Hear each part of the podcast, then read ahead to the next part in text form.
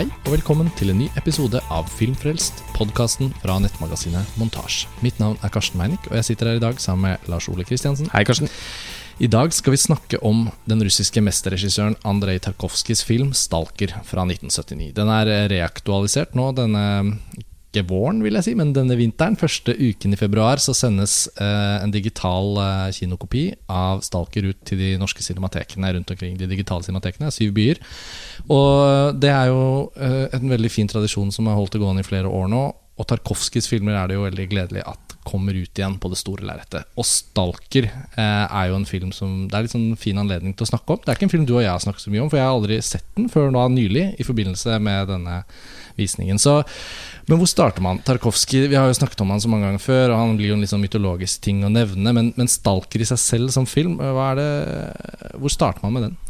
Altså, 'Stalker' er jo på sett og vis, i hvert fall Tarkovskijs mest kultforklarte og myteomspunne film. Eh, det er jo en film som er marinert i tragedie og død. Eh, den ble jo til dels spilt inn i et område hvor eh, Altså hvor det var noe stråling mm. som, som, førte til at både Tarkovskij selv hovedrolleinnehaveren og vel hans kone mm. eh, ble rammet av den samme krefttypen og døde. Mm. Noen år senere, riktignok. Men eh, lyddesigneren på filmen har eh, fortalt det litt sånn anekdotisk at han mener at årsaken var dette.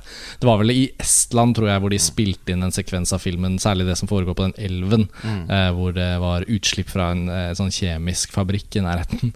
og, og de visste egentlig at det var farlig. Eh, men ja, innspillingsperioden har jo også sine egne anekdoter knyttet til seg. Eh, Tarkovskij, som vi nevner nå, han døde jo da eh, egentlig ganske ung. Fikk jo bare laget syv spillefilmer. Og 'Stalker' var en film han satte i gang med etter 'Speil'. Og sånn som jeg har forstått det, så var det et, ganske episk, ganske storslått og høybudsjettert filmprosjekt som ble igangsatt i Sovjetunionens filmstudio, det statlige studioet. Og etter at uh, Andrej Tarkovskij hadde filmet hele Stalkers eksteriørbilder, altså alt som var ute i naturen, og det er jo veldig mye. Når man har sett filmen, så vet man jo at han hadde ideer om et sted. Et sånt, det er jo en slags science fiction, et, et sted som man reiser inn til, som kalles bare for sonen. Så Tarkovskij hadde vært ute og egentlig filmet mesteparten av hele Stalker. Hvor han kom tilbake til Moskva og fikk beskjed om at den laben som hadde tatt imot filmopptakene, rett og slett hadde gjort en feil. Noen mener det var sabotasje, men uansett så var alt materialet ødelagt. Og da en ting det. Ja, det er jo øh, ja. ja. Og så da at man vet også at han antageligvis da blir syk og dør av kreft seks år senere, som et resultat av at de måtte filme ting på nytt. Det er på en måte en stor tragedie der. Men vi skal ikke gå for mye inn i det. Han sparket da alle i staben og, Nettopp. Ja. Han gjorde jo det. Han hadde da filmet filmen, og det ble ikke noe av. Og da ville han jo ikke jobbe videre med de samme menneskene. Så fotografen og Det har vært så grusom prosess. Ja, hele staben ble da fjernet. Og så fant eh, Tarkovskij ut at han kunne refinansiere et nytt forsøk ved å si til den statlige filmkommisjonen at dette egentlig er en film i to deler. Så da uh, pitchet han inn denne del to, og fikk støtte til å lage på en måte Stalker del 2. Mm. Og det budsjettet han da fikk tilgjengelig, ble brukt til å lage hele Stalker. Når man ser filmen, så ser man jo at den har jo en sånn klar inndeling. Ja. Og det fungerer jo både kunstnerisk og narrativt veldig bra. Ja. Men det var altså en produksjonsteknisk eh, løsning som, mm. som Tarkovskij kom opp med. Men da ja, For det er jo litt besnærende at altså, tittelen Stalker, eller Stankep, som leses, hvis man mm. leser de russiske bokstavene. Eh, men det skal vel ikke uttales sånn som leses, men jeg alltid syns det har vært morsomt å tenke at den et, på en eller annen måte også heter Stankep. Sånn flott gul typografi også. Ja, ja. råflott typografi, mm, mm, faktisk. Um, som uh, Samme type gulhet som Tarantino er glad i i sine mm, mm. credits. Kanskje den eneste koblingen man kan finne mellom ja, de to filmskaperne. Uh, men uh, det står jo faktisk også Altså Når del to kommer, står det først del to, og så står det jo Stalker på nytt igjen. Ja, Det eneste som mangler, er egentlig en sånn intermission à la Lawrence of Arabia og de gamle. At man kunne mm. tatt seg en ordentlig pause. Ja. Eh, men jeg, jeg, føler at den bakhistorien er jo med å sylte filmen i tragedie. Eh, og det at han har filmet den på ny, og at resultatet av Stalker på en måte er det vi får se, kan man jo på en måte ikke klage over fordi filmen er det den er. Men det er interessant å vite og ha det bak øret at det var på en måte en gjørme som Tarkovskij sto i. da Og han bare nektet å på en måte gi seg. Han ga ikke slipp på at han ønsket å gjøre denne filmen heller. Så på sett og vis så ble det jo en sånn Sisyfus-aktig eh, Ja. prosess, eh, som til slutt ledet til at han fikk jo filmet filmen med en fotograf som han senere da åpenbart må ha jobbet bra med. Det er et intervju med han fotografen på den DVD-utgaven av filmen som jeg har. Så hva skal man si På tross av det anekdotiske som plasserer filmen i en ganske sånn tragisk historisk setting i eh, Tarkovskijs karriere. Og som så- definitivt gir en klang til filmen når man det. ser Så den. er jo også filmen i seg selv veldig, veldig sånn har en ekstremt tungsinnet melankoli og filosofi, får man si, over en del spørsmål. Sånn at det, det rammer på en måte ikke filmen negativt i historisk lys. Når vi sitter og snakker om den nå, så føler jeg det passer Stalker at den også har en tragisk bakhistorie. Ja, jeg, På sett og vis. må si meg enig uten det. at det er noe man på en måte dyrker sånn på avstand, men, men uansett. Men det er jo, det er jo ja. Ja. Nei, jeg skulle bare si at Det er også viktig å trekke fram for de av lytterne våre som kanskje ikke er kjent med all bakhistorien, så er da også Stalker en filmidé som faktisk er en adaptasjon. Altså den, han var inspirert av en eh, bok som heter Roadside Picnic, eh, skrevet av Boris og Arkadi Strugatski. Jeg er ikke kjent med den boken, men det er greit å vite at det er interessant, syns jeg i hvert fall, når man snakker om Tarkovskijs filmer som har så veldig mye filmatisk og visuell egenart, eh, at han ofte egentlig lot seg inspirere av et kildemateriale. da ja sånn som i Eh, Solaris også. og andre Rublev, som, ganske- var jo en skikkelse som, og ikonmalerne. Og Solaris og eh, Stalker er det jo ganske mange likhetstrekk. Altså, de er jo både Nettopp. science fiction-filmer begge to, Ja, og med jo- sånn Jeg har jo diskuterer noen av de samme Altså filosofiske temaene. Ja, og det er vel egentlig også interessant å, å, å bruke det du nevnte der som en, som en inngang til hvordan man kan snakke videre om Stalkeren, og kanskje fortelle litt om hva den handler om. Fordi som science fiction så husker jeg vi snakket jo om eh, Solaris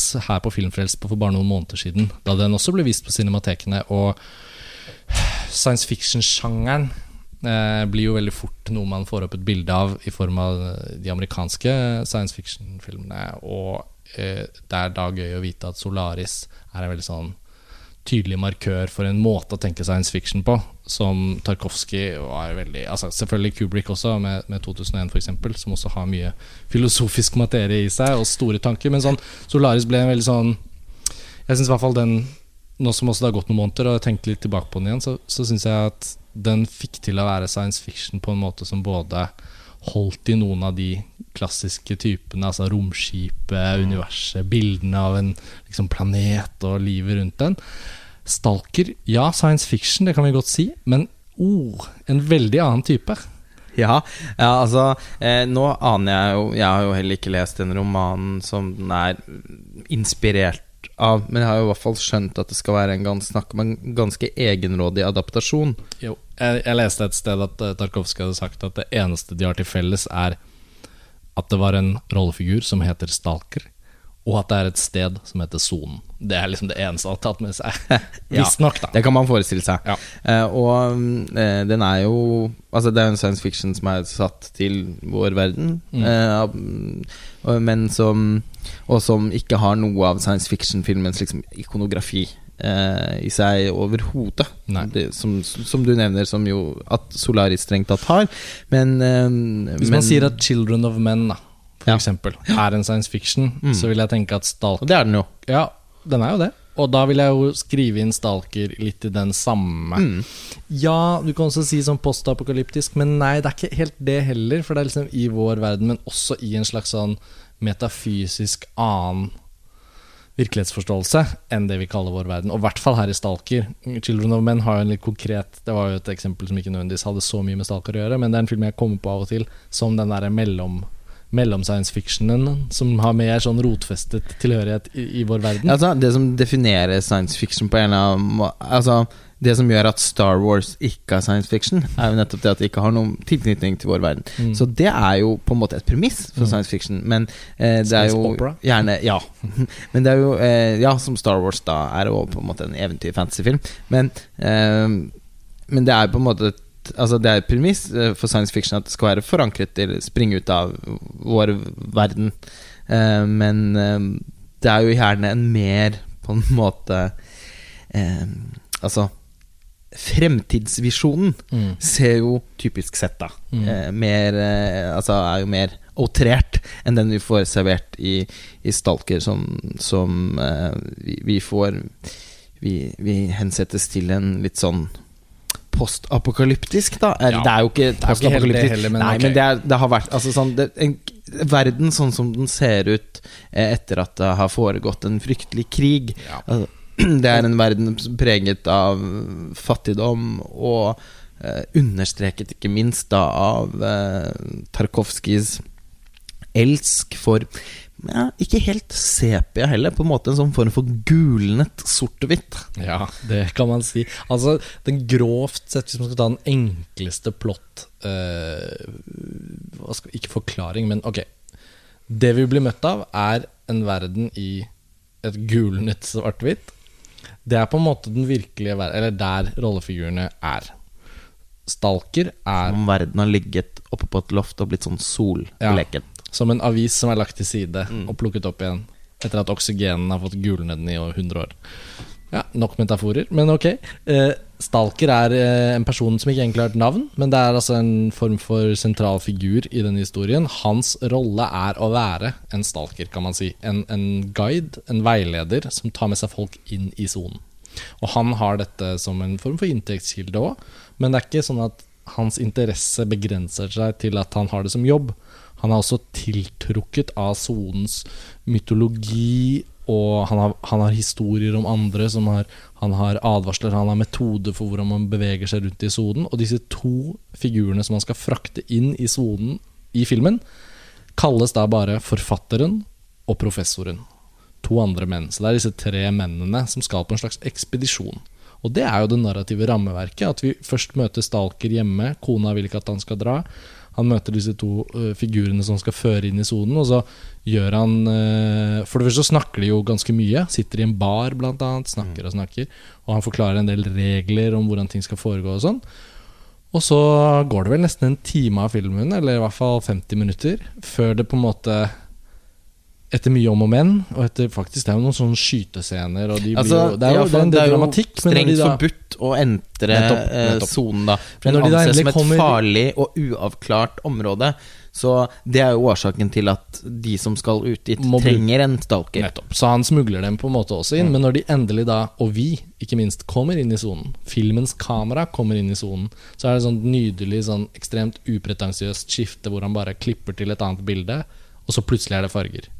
Og og da blir man jo veldig klar over hvor gulnet sepia, eh, svart-hvitt, hva skal vi kalle det, filmen har vært frem til. Så ja, og jeg tror faktisk ikke det er så lang, fullt så lang tid som Nei, du, det det du sier. kanskje Det er jo ikke en film som beveger seg raskt, kan man Eh, Å nei. skyte inn. Og det kan, man, det kan vi snakke mer om eh, etterpå. Eh, men eh, det, det, På et sett og vis så minner det jo litt sånn om Trollmannen fra Os, egentlig.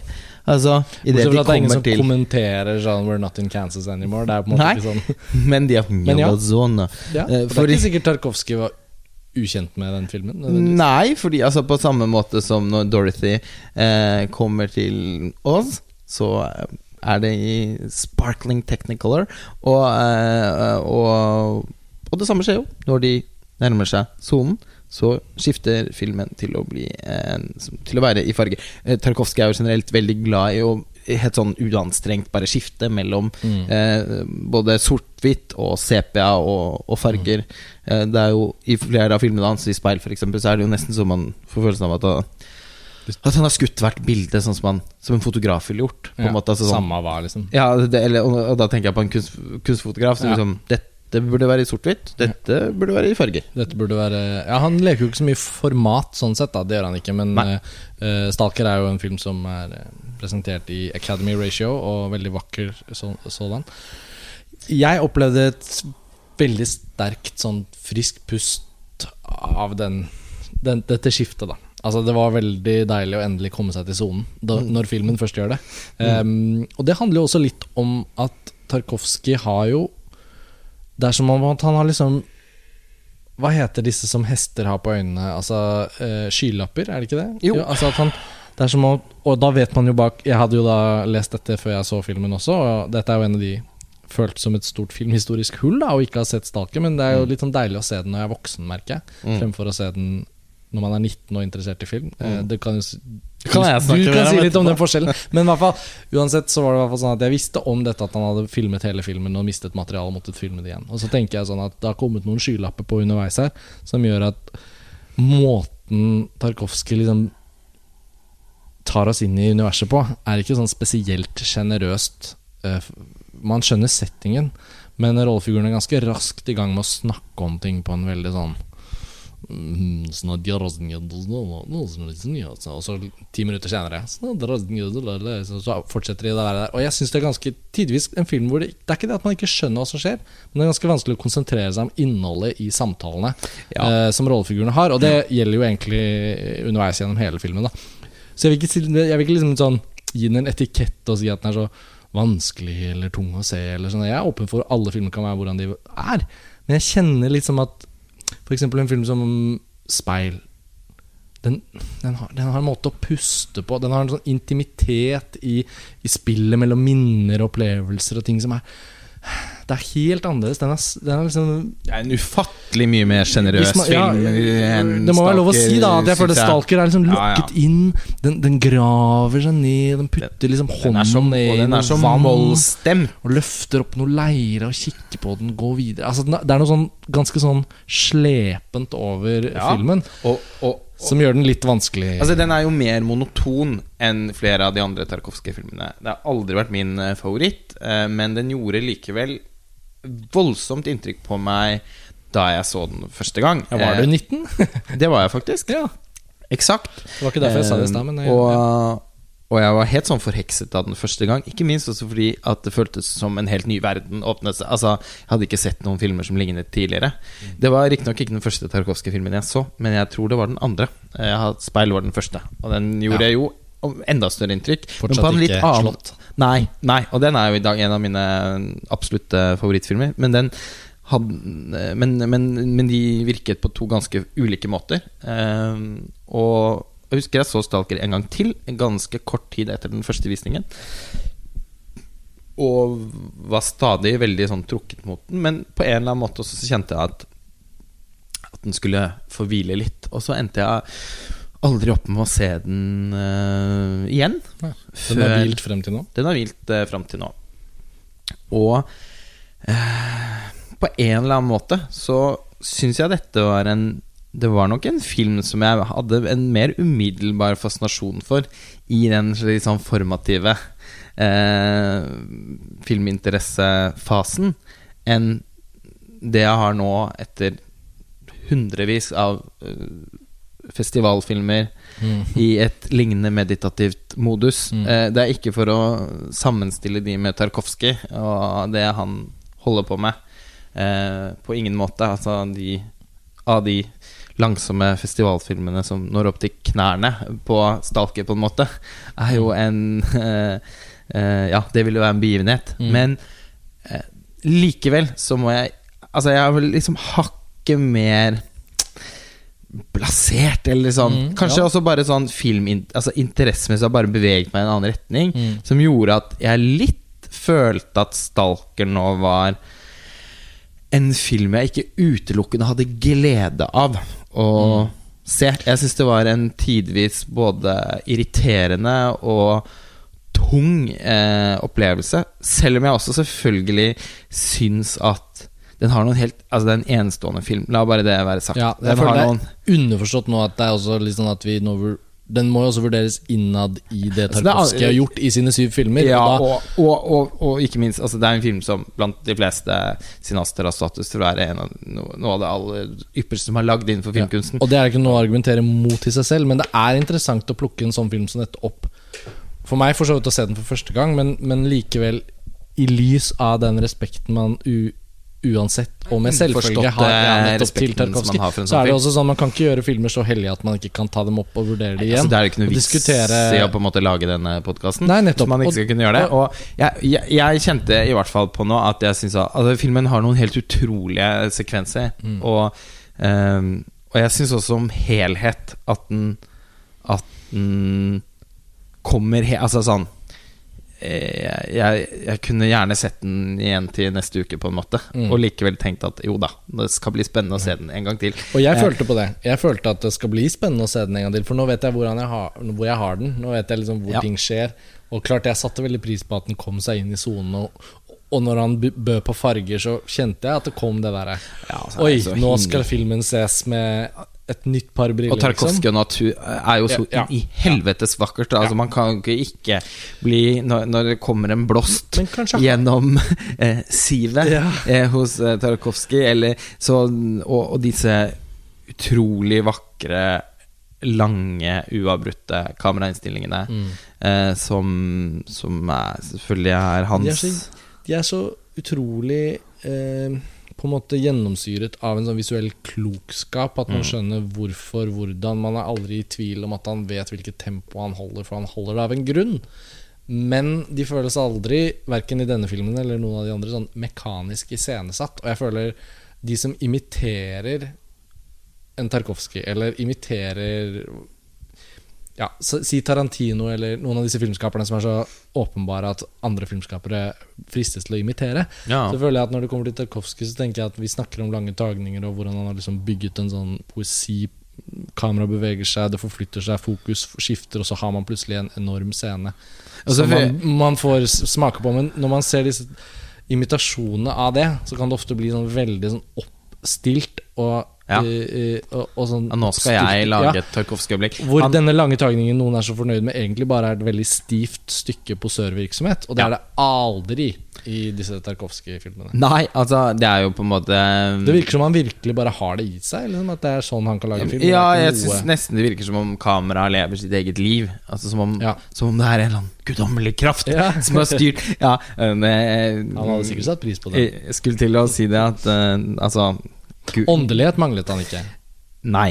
Um, det er nærliggende å snakke om, om, om, høyere, eh, om, om høyere makter mm. når man snakker om Tarkovskij. Men eh, Jo, men, men det er faktisk Altså det er helt utrolig. Altså Kameraarbeidet i denne filmen, å se hvordan det Hvordan kameraet liksom puster. Mm. Og det er jo også rent teknisk et veldig avansert arbeid. Mm. Så det Ja, jeg ser jo for meg hvor helvetesaktig den innspillingen Filmet hele en gang først, da. Også. Ja, altså Jeg vet ikke hvor sånn jeg skal begynne. Nei. Eh, bare tanken på det er jo ja. koreografi av hund, hund inni bakgrunnen, hund som går presist Ja. gjennom vannet. Altså, det, er, ja, det er sånn vanvittig to altså, det, er et, det er et vanvittig arbeid da som er lagt ned, samtidig som det jo, man sitter ikke og tenker på det, for det er som om filmen har lagd seg selv. ja, ja. Eh, og det er en, selvfølgelig en helt åpenbar Altså en vanvittig sjelden kvalitet da som denne filmen har. Og som sagt, som helhet og som vei- så er den Og den er jo også forheksende å se. Og den er det fortsatt. Men jeg må innrømme at jeg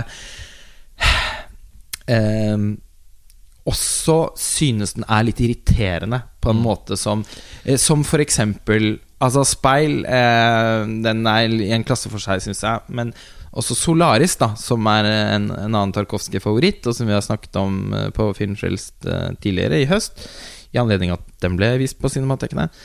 Så og, og Stalker har mye til felles med, med Solaris. Så Tarkovskij selv var ikke så fornøyd med Solaris. Jeg tror han i større grad følte at det var en litt sånn adaptasjon. At han følte seg fanget av liksom, at, ja, at det nok var kanskje Altså at budsjettet var litt for stort. At han ikke helt følte at han nødvendigvis klarte å lage akkurat den filmen som han hadde lyst til. Mm. Men jeg syns jo den uh, Den diskuterer en del av de samme temaene som Stalker gjør.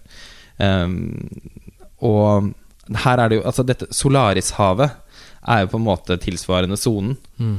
Ja, det, Eh, det er nesten samme funksjon. Altså I Mm. sonen kan du få oppfylt dine innerste ønsker. Mm. Eh, I Solarishavet kan du vekke tilbake minner. Mm. Så, men jeg, jeg syns jo mange av de ideene er diskutert på en mer artikulert måte i Solaris. Mm. Som jeg har sett, altså For eksempel da, så syns jeg jo Solaris er en mye bedre skrevet film enn det Stalker er. Og det er jo ikke sånn at Stalker, i all sin visuelle poesi, så er det også en film med veldig mye dialog Altså ikke bare dialog, men også mye monolog. Ja, fordi Jeg skulle mye, spørre mye deg tekst. Innsigelsen din, den Jeg tolker deg litt som at den også, og jeg deler den, uh, går litt på På en måte innhold. Altså ikke bildenes innhold, ikke poesiens effekt på oss, og ikke det auditive og alt det som er så bra, men sånn når de først snakker om ting, Ja. eller holder en monolog om noe, så er det ikke tvil om at ordene er valgt med omhu, og at det er et ønske fra Tarkovskij om at nå skal de inn og snakke om dette for noe. Men den, kan man si, den eh, organiske liksom Forholdet organisk mellom rommene og omgivelsene og bildene med det de snakker om, føles ikke like eh, selvsagt og pustende og lett forståelig som f.eks. i Solaris, hvor jeg føler at det skjer ting i romskipet, det skjer ting i forhold til Solaris. Hun kommer jo inn, og, og han, hovedpersonen blir jo Kelvin blir jo også på en måte tvunget til å spørre seg selv og diskutere noen av disse tingene, fordi de inntreffer på en eller annen måte. Mens i, i Stalker så er de i sonen, de nærmer seg, de kommer jo kanskje til dette rommet hvor de kan ønske seg. Men så virker det ikke som om egentlig en form for drivkraft hos rollefigurene er det som får Nei. dem til å snakke om disse tingene. For jeg syns jo at. Kelvins undring i Solaris er mye enklere for meg å identifisere meg med Ja, enn den mer sånn retningsløse eh, Ja, også undringen. Men også noen ganger sånn messingen i Stalker.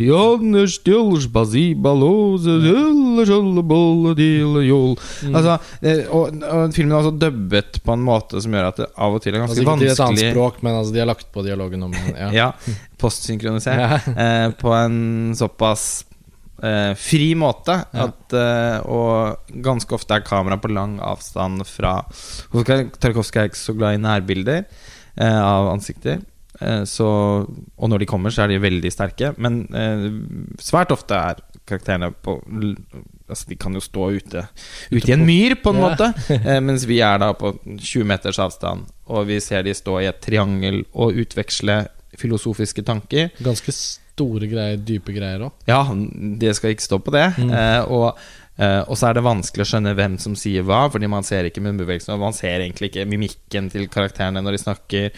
Og uh, det, man kan også si Altså det er også På en eller annen måte kan det, det bidrar jo definitivt til den her litt sånn fremmedgjørende, forheksende kvaliteten til filmen. Uh, men jeg syns også det må være lov å si at det kan være litt sånn Sånn i overkant fremmedgjørende også. Fordi jeg Ja. må innrømme at jeg syns ikke alle samtalene de har, er så interessante. Eh, jeg syns det er utrolig eh, vakkert når de snakker om hvordan de ulike eh, lagene av bevisstheten i et menneske har forskjellige ønsker.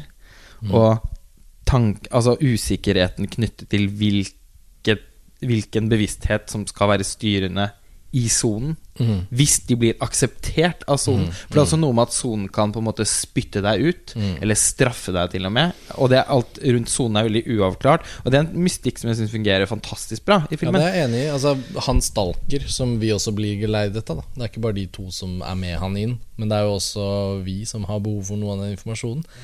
Og jeg er helt enig med deg at hans måte å både utstråle en form for trygghet Gutta, dette kan jeg. Her har jeg vært før. Bare følg meg. Ja, ok, det er vi med på.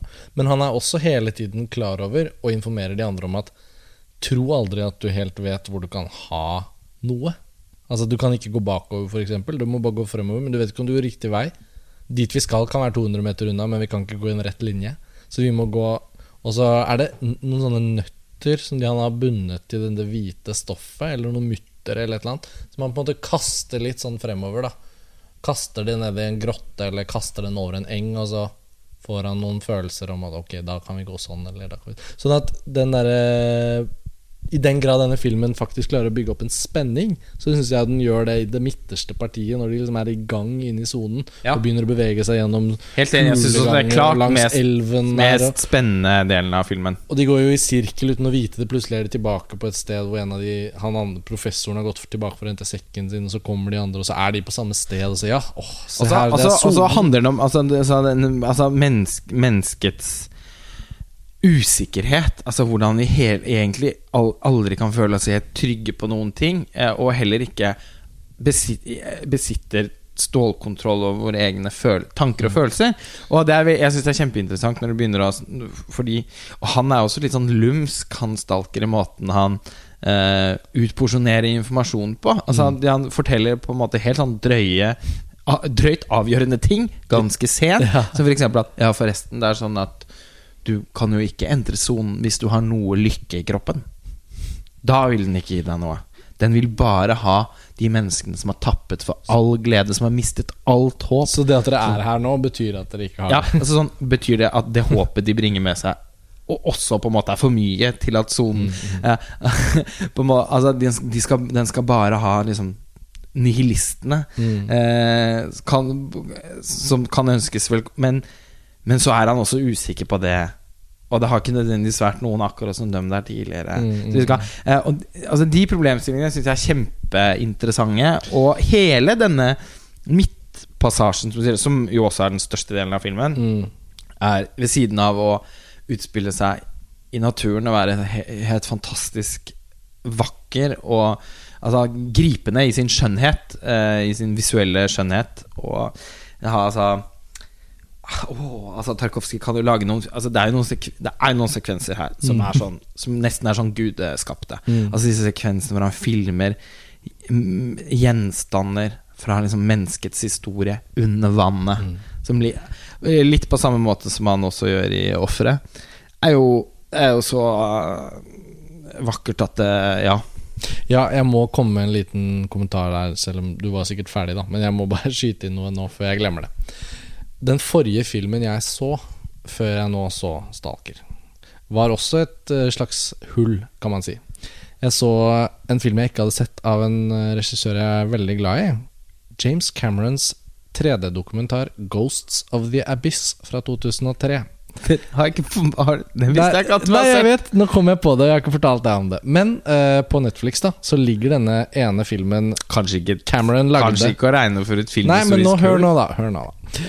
Cameron lagde Titanic i 97, det vet vi. Det ble en enorm suksess, og sånn og sånn. Og så på en måte i hermetegn gadd han ikke lage en uh, spillefilm igjen før Avatar tolv år senere.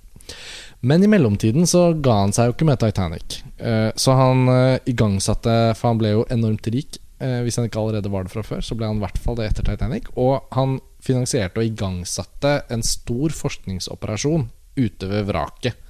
Og finansierte utviklingen av robotteknologi og fant ut av masse samarbeid med folk. Og så har han da filmet en dokumentar om at de gjorde nye dykk ned til Titanic med miniubåter for å filme og kartlegge mer av vraket. Og dette er en dokumentarfilm, da. 'Ghosts of the Abyss', som er på Netflix. Den har jeg da sett. Da jeg så 'Stalker', så slo det meg at i likhet med uh, James Camerons kamera som glir gjennom vraket på Vraket Titanic, Titanic, ja. Og vi har jo sett i Titanic at han også Ja. da har gjort dette en gang før, da på en måte. Men han, ja, han bare, repeterer er sagt, jeg har ikke sett Ghost. Uh, Nei, men- jeg har sett det- den Aliens of the Deep Ja. som han laget etterpå. Men nå skal jeg da frem til at i visse partier i Stalker, og du kommer jo da inn på det, så plutselig peker Tarkovskij kameraet sitt mot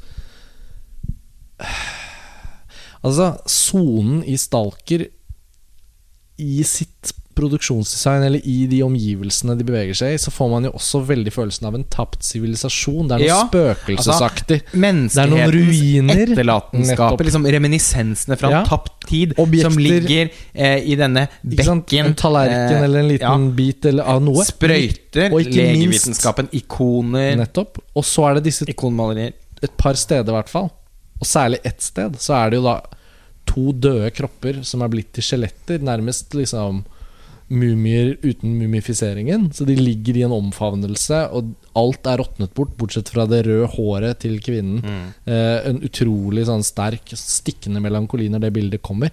Og noe av det jeg tenkte mest på underveis i James Camerons eh, dokumentarfilm, som tilbrakte nesten all sin tid nede i Titanic-vraket. Det var jo da ekte bilder eh, fra det faktiske Titanic. Og det var rart å se når man har sett hans spillefilm. Men det var veldig fascinerende. Egentlig ganske fin film fordi den var som et sånn supplement. Og man skjønner jo at James Cameron er ekstremt opptatt av å være under vann.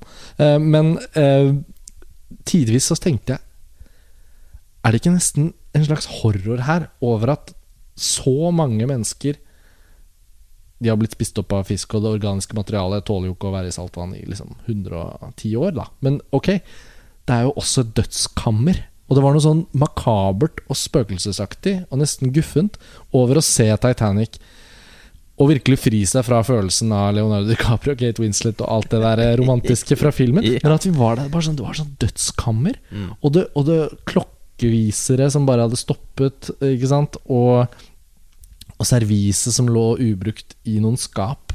Og der ligger det, liksom.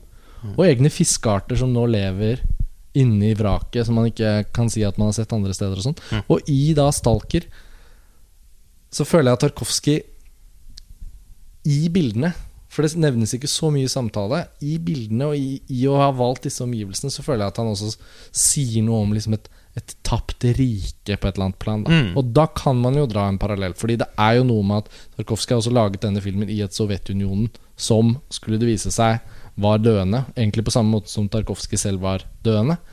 Og det store historiske, litt sånn nesten skremmeskuddet her, er jo da at Tsjernobyl-katastrofen i Ukraina, eller i Sovjetunionen, men da i Ukraina, inntreffer eh, Ja, hva var det? Fem, seks, syv år etter filmen. Eh, og det er jo guffent på den samme måten, for nå er jo da Tsjernobyl et avstengt område i Ukraina, hvor naturen har tatt over. Alle bygg, alle gater, alle lyktestolper som står igjen, er gjenvokst av naturen. Akkurat som Dyrene zonen. har tatt over. Eksakt som sonen.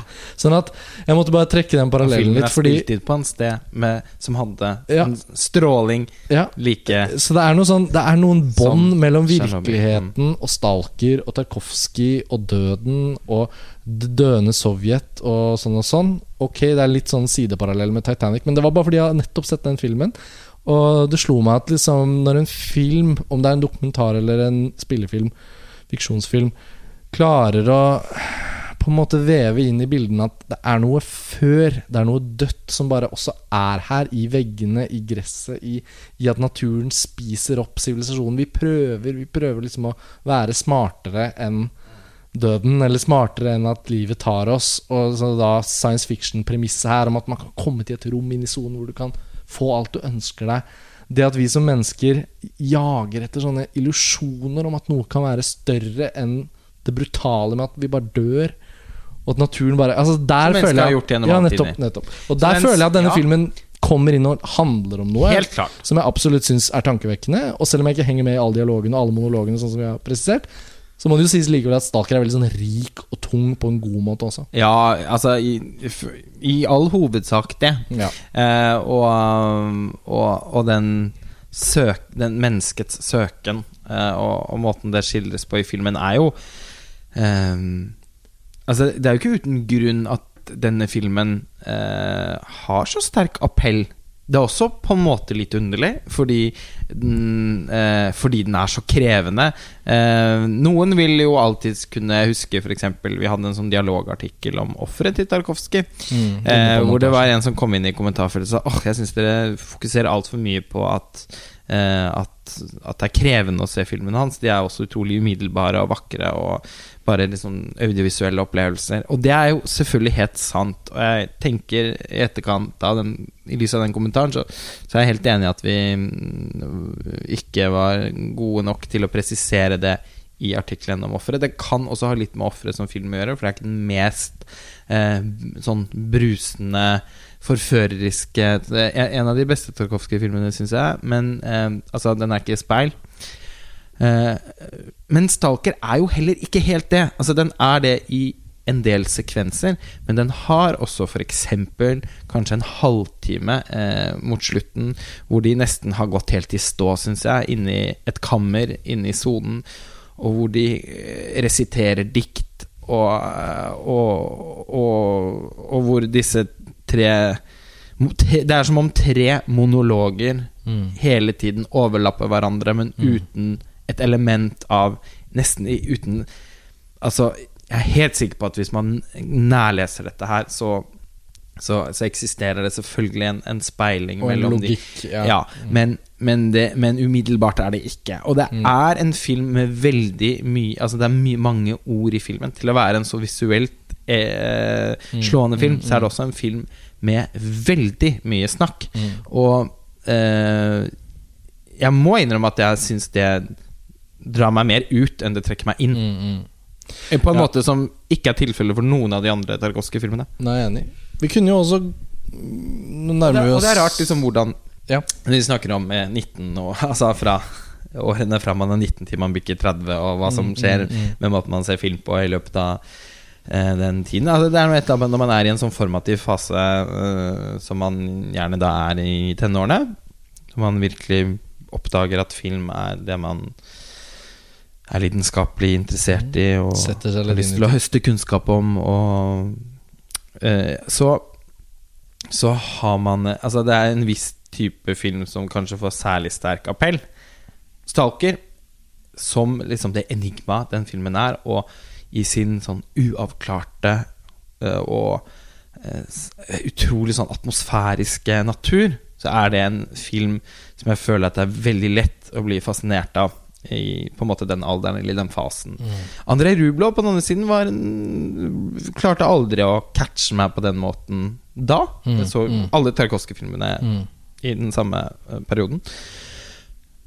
Men det er jo en film som jeg nå, eh, så etter at jeg har sett den på nytt igjen i voksen alder, så har jo den est veldig ut Mm. i sin eh, Altså Det er jo en fantastisk fortelling. Mm. Altså Det som på en måte var den litt sånn seige fortellingen om den litt trøttsomme ikonmaleren i tenårene, er nå på en måte jeg, en, en vel, egentlig ganske sånn underholdende eh, Jo, altså Meddrivende, kanskje? Medrivende. Underholdende passer liksom aldri helt når man snakker om Tarkovskij og ikonmalere generelt, føler jeg. Men eh, tenkte også på at eh, hvis det ikonmaleriet som er i den bekken i Mm. Stalker, hvis det er da laget av andre Rublov, Ja. er det sånn Extended Universe? Ja, kanskje. Marvel Tarkovskijs Marvel uh, Ja, nei, det var flott der. Men eh, altså Dens rikdom som, en,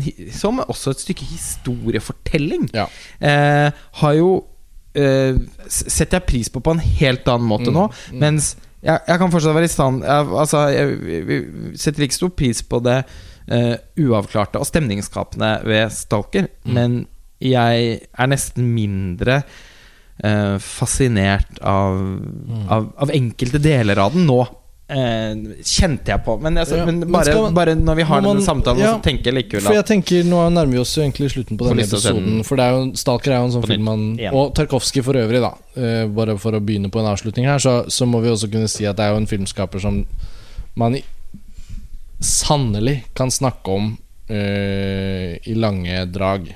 Men nå skal vi prøve å være disiplinerte i disse episodene. Jeg føler liksom at Stalker er en, er en film som som man kan ta for seg fra mange forskjellige vinklinger. Men jeg føler nå har vi jo egentlig kommet inn på noen av de tingene I hvert fall jeg umiddelbart responderte mest på. Men som sagt, da er det jo da den ene gangen jeg har sett den. Da. Så da må vi jo Jeg må få la den synke litt inn. Men- Men, men du jeg, ville, ja. men jeg ville følge opp en ting nå. At uh, det er jo faktisk bare syv filmer, og du kom jo med en liten vurdering av Andrej Rublev. Nå kunne man nesten laget en guide som var sånn derre eh, når du viser dine barn Tarkovskijs filmer, dette er rekkefølgen. Disse er bra når de altså, er Den første små. burde disse- alltid være speil. ja, speil. Men- altså, men, men, men hva er din foretrukne Tarkovskij-rekkefølge, hvis du skulle rangert dem?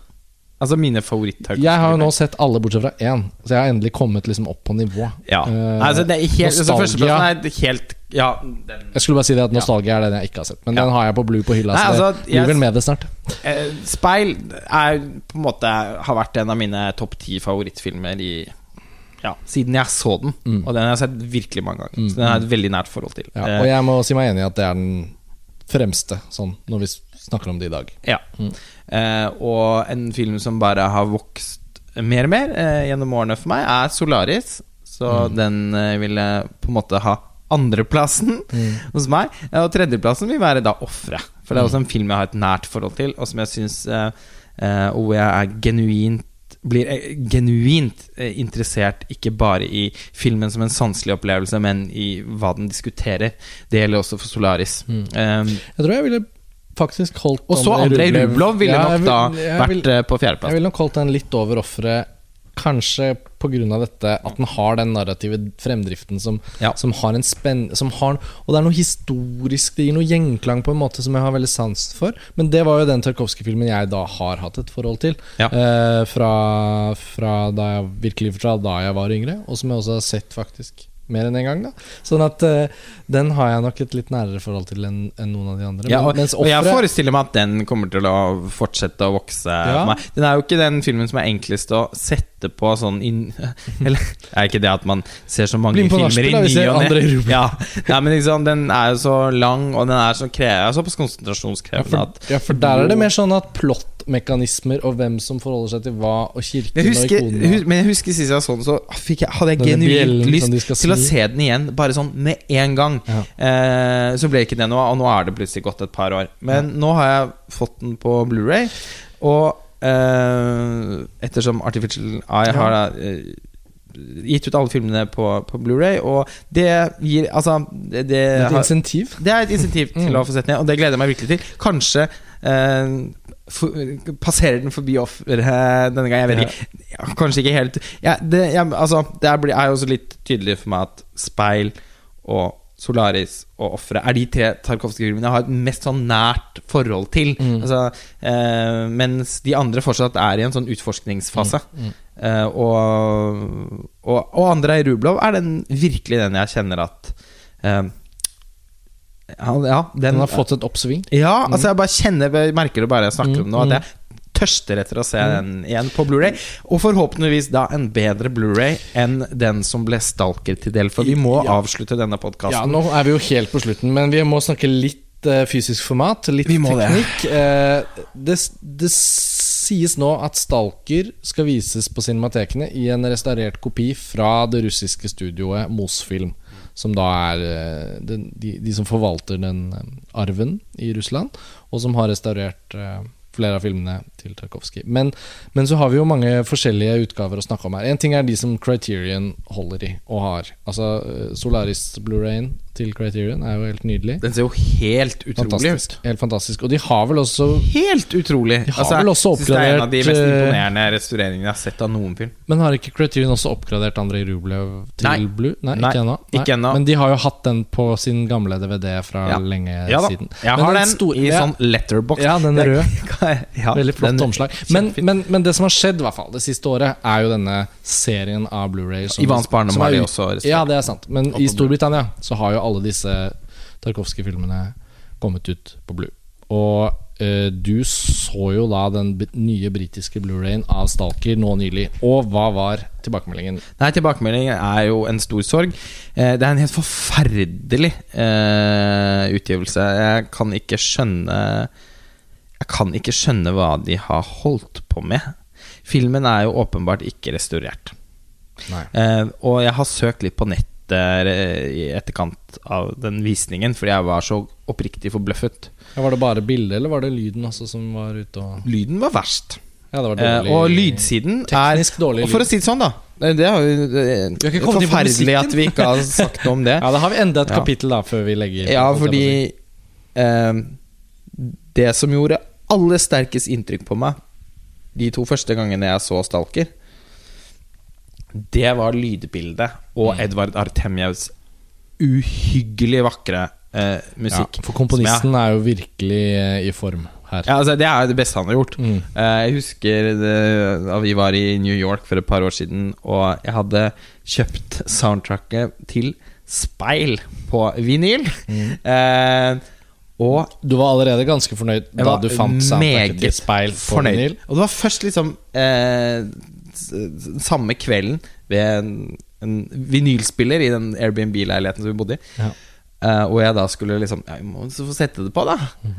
Og jeg nesten vinet av begeistring da jeg oppdaget at, på, uh, på at det var to uh, plater, og på den andre platen så, Nei, det var én plate med to sider, og på, på en måte på B-siden så var det soundtracket til Stalker. Ja. Så du fikk ikke bare én, men to? Nei, og den hadde jeg jo Ja. på en måte vært enda mye mer ute etter å eh, få. Ja. Eh, dette hjemsøkende eh, eh, Altså hovedtema med fløyte og Mm. synt og Altså, det, det, det er et av de vakre Jeg syns det er noe av det vakreste Det er som er skrevet av filmmusikk noensinne. faktisk Utrolig flott filmmusikk. Og så må det jo også sies da at Og lydbildet Ja, i den filmen Lydbildet og musikken, hvordan det er vevet over i hverandre, er ekstremt ekstremt Ja. Og Artemium jobbet jo også med lyden i film. Altså, Ja. sånn, det, er ikke, det er ikke noe skille med Nei. lyd og musikk. Det er litt som i Blade Runner. Klang, Uten sammenligning sånn, for nei, for øvrig. Klangbilder som egentlig kommer hver fra gang ting den musikken og- kommer, så føler jeg jo at filmen er sånn oh, Så er den likevel noe av det best, største som er lagd. Men Så det klang, men det klang ikke like flott fra den Blu-rayen, tydeligvis. Nei. Og det var også Det kan godt hende når jeg nå på en måte også føler at jeg er litt sånn sur eh, i denne podkasten sur. Nei, men altså, jeg bare Jeg Du vet var litt ikke. gammel. Ja, men jeg, ikke liksom, jeg føler ikke at jeg klarer å mobilisere en entusiasme for filmen som jeg eh, nok hadde forventet å få når jeg så den igjen. mm. Og jeg tror det også har med å gjøre at det var en frustrerende visning. Mm. Fordi lydkvaliteten var helt forferdelig. Mm. Eh, det var utrolig mye spraking og knitring, som på en sånn drittvinyl du kjøper for ti kroner i en bruktbutikk. Mm, mm, mm. Eh, og som når du spiller den, så tenkte jeg oh, ja, det var ikke rart i den. Den var så Mm. billig. Nei. Eh, og, eh, og, og med også veldig mye altså sånn diskant og skurring. Altså sånn eh, Det ville ikke holdt på en DVD. ja, men Det høres ut som høyttaleren er sprengt Ja. når de spiller den, og høyttalerne mine er definitivt ikke sprengt. Så eh, og, jeg, og jeg måtte også dobbeltsjekke det, faktisk. For jeg ble nesten sånn Hvorfor? Altså, mm, jeg er ganske fornøyd med det lydanlegget mitt, Ja. så jeg fikk litt sånn panikk. Ja. Og når jeg skrudde da lyden ned, veldig godt ned, og så var det å, akkurat det samme. Så. Ja. Og eh, bildet ikke bare er det kornete og fullt av uh, riper og støv og dritt, men det er også sånn at fargetonen ofte blør ut på feil måte. Altså Du vet hvordan uh, gamle filmer ofte kan ha, når de ikke er restaurert, kan ha sånn, nesten sånn rødlig skinn. Sånn polaroidaktig Ja, ja. skinn. Det er flere elementer av det. Mm. Bare- Og fargene ser ikke ut som jeg husket dem. Den DVD-en som sagt er jo helt utmerket. ja, for jeg skulle til å si det. eh, Sånn som jeg, altså, nå er det jo var- ja. ni-ti år siden, eller enda lenger. Til Men- og med jeg så den sist. Men eh, minnet om den var at den var helt super. Ja, altså Den amerikanske utgivelsen av Stalker, en veldig flott sånn todisk DVD-utgivelse fra den distributøren eh, som heter Kino International, som også nå eh, i Blu-Rains tidsalder da har gitt ut Offeret og Nostalgia på Blu-ray i USA. Så det er jo de formatene jeg har de to filmene i. Men den so- Sone 1-DVD-en av Stalker så veldig flott ut uh, på lerretet her hos meg, og uh, var lød helt supert. Så da du rapporterte tilbake om dine problemer, så tenkte jeg jeg tror søren meg den DVD-en er bedre. Ja, men den, altså, det, er ikke, Men bare, det er ikke noe å tenke på engang. Det er mye, mye eh, lytterne da at vi ikke kan anbefale da den uh, Stalker-utgivelsen. Nei, den frabefales på det sterkeste. Såpass uh, sterkt er mitt minne at uh, uh, Altså, den, den DVD-en husker jeg som helt strålende. Mm. Eh, og det kunne jo du bekrefte Mm, ja, uh, med ditt gjennomsyn. Og den Blu-rayen var en katastrofe. Og jeg så Altså, heldigvis så fikk jeg jo umiddelbart bekreftet at det er mange andre som har hatt Opplevde samme samme opplevelse. Men- og den, kom, den stammer jeg, jeg leser meg fram til at den masteren ikke er den Moss-film-masteren. Så det er da med 99% sannsynligvis eh, sannsynlighet ikke den Altså, det, det er ikke denne som skal vises på cinematekene. Så, Og bli- desto større grunn til å gå og se den der. Nettopp. Det får bli vår avsluttende kommentar da, Fordi det fant vi heldigvis ut av. Så uheldig med den britiske Blu-rayen der av Stalker, men eh, Mange har De tolket norske- seg fram til på den alltid så kryptiske, gåtefulle hinttegningen til Criterion, som Ja. de kommer med en eller to ganger i året. Ja. Så er det mange som har tolket seg fram til at eh, Stalker står for tur Ja. hos dem. Og de ville jo, de ville jo aldri satt navnet sitt på noe så hårreisende som dette her. Så, så vår teori da har jo vært litt nå at denne Mosfilm-restaureringen fra Russland sannsynligvis er eh, forhåpentligvis er top notch, og at det er den cinematekene viser nå i, i starten av februar rundt omkring i Norge, og at det er den som forhåpentligvis da blir kilden til en flott og utmerket Criterion Blu-ray. Så det får, det får bli håpet, og kanskje de avsluttende ordene. det får bli siste ord. Um, det er jo en glede at vi har fått opp dampen med disse Tarkovskij-podkastene. Ja, endelig! Eh, Etter mange sånn år hvor Ja. leserne våre lurte på Det blir litt sånn- verden diskuterer dere aldri Tarkovskij, og så lovte vi det så mange ganger uten å holde løftet. Men nå, føler jeg vi er på skjer glid, det, da. Ja. Nå blir det Eh, andre i Rublov neste neste gang, tenker jeg. Ja, kanskje det. Det hadde vært veldig hyggelig. Det Eh, kjenner jeg, det jeg veldig lyst til. Jeg, Jeg da så kan lyst- jeg dra litt anekdoter fra, fra oppveksten. Um, Ja. Det blir litt film for film, men for meg føles det egentlig som en bedre måte å snakke om Tarkovskij på enn å si sånn Ja, i dag skal vi snakke om alle filmene til Tarkovskij. Jeg vet ikke. Jeg føler vi får gått litt mer i dybden på denne måten. Um, det er vel det, da, om Stalker for denne gang. Eh, takk for at dere hører på Filmfrelst. Oppsøk nå for all del disse visningene på cinematekene hvis dere ikke da har sett Stalker før, eller hvis dere har behov for et gjensyn. Vi er straks tilbake igjen på Filmfrelst, og jeg tror den neste episoden vil være den første festivalepisoden fra årets utgave av Berlinalen, filmfestivalen i Berlin 2017. Vi ses der. Det gjør vi, og ha det bra. Ha det bra.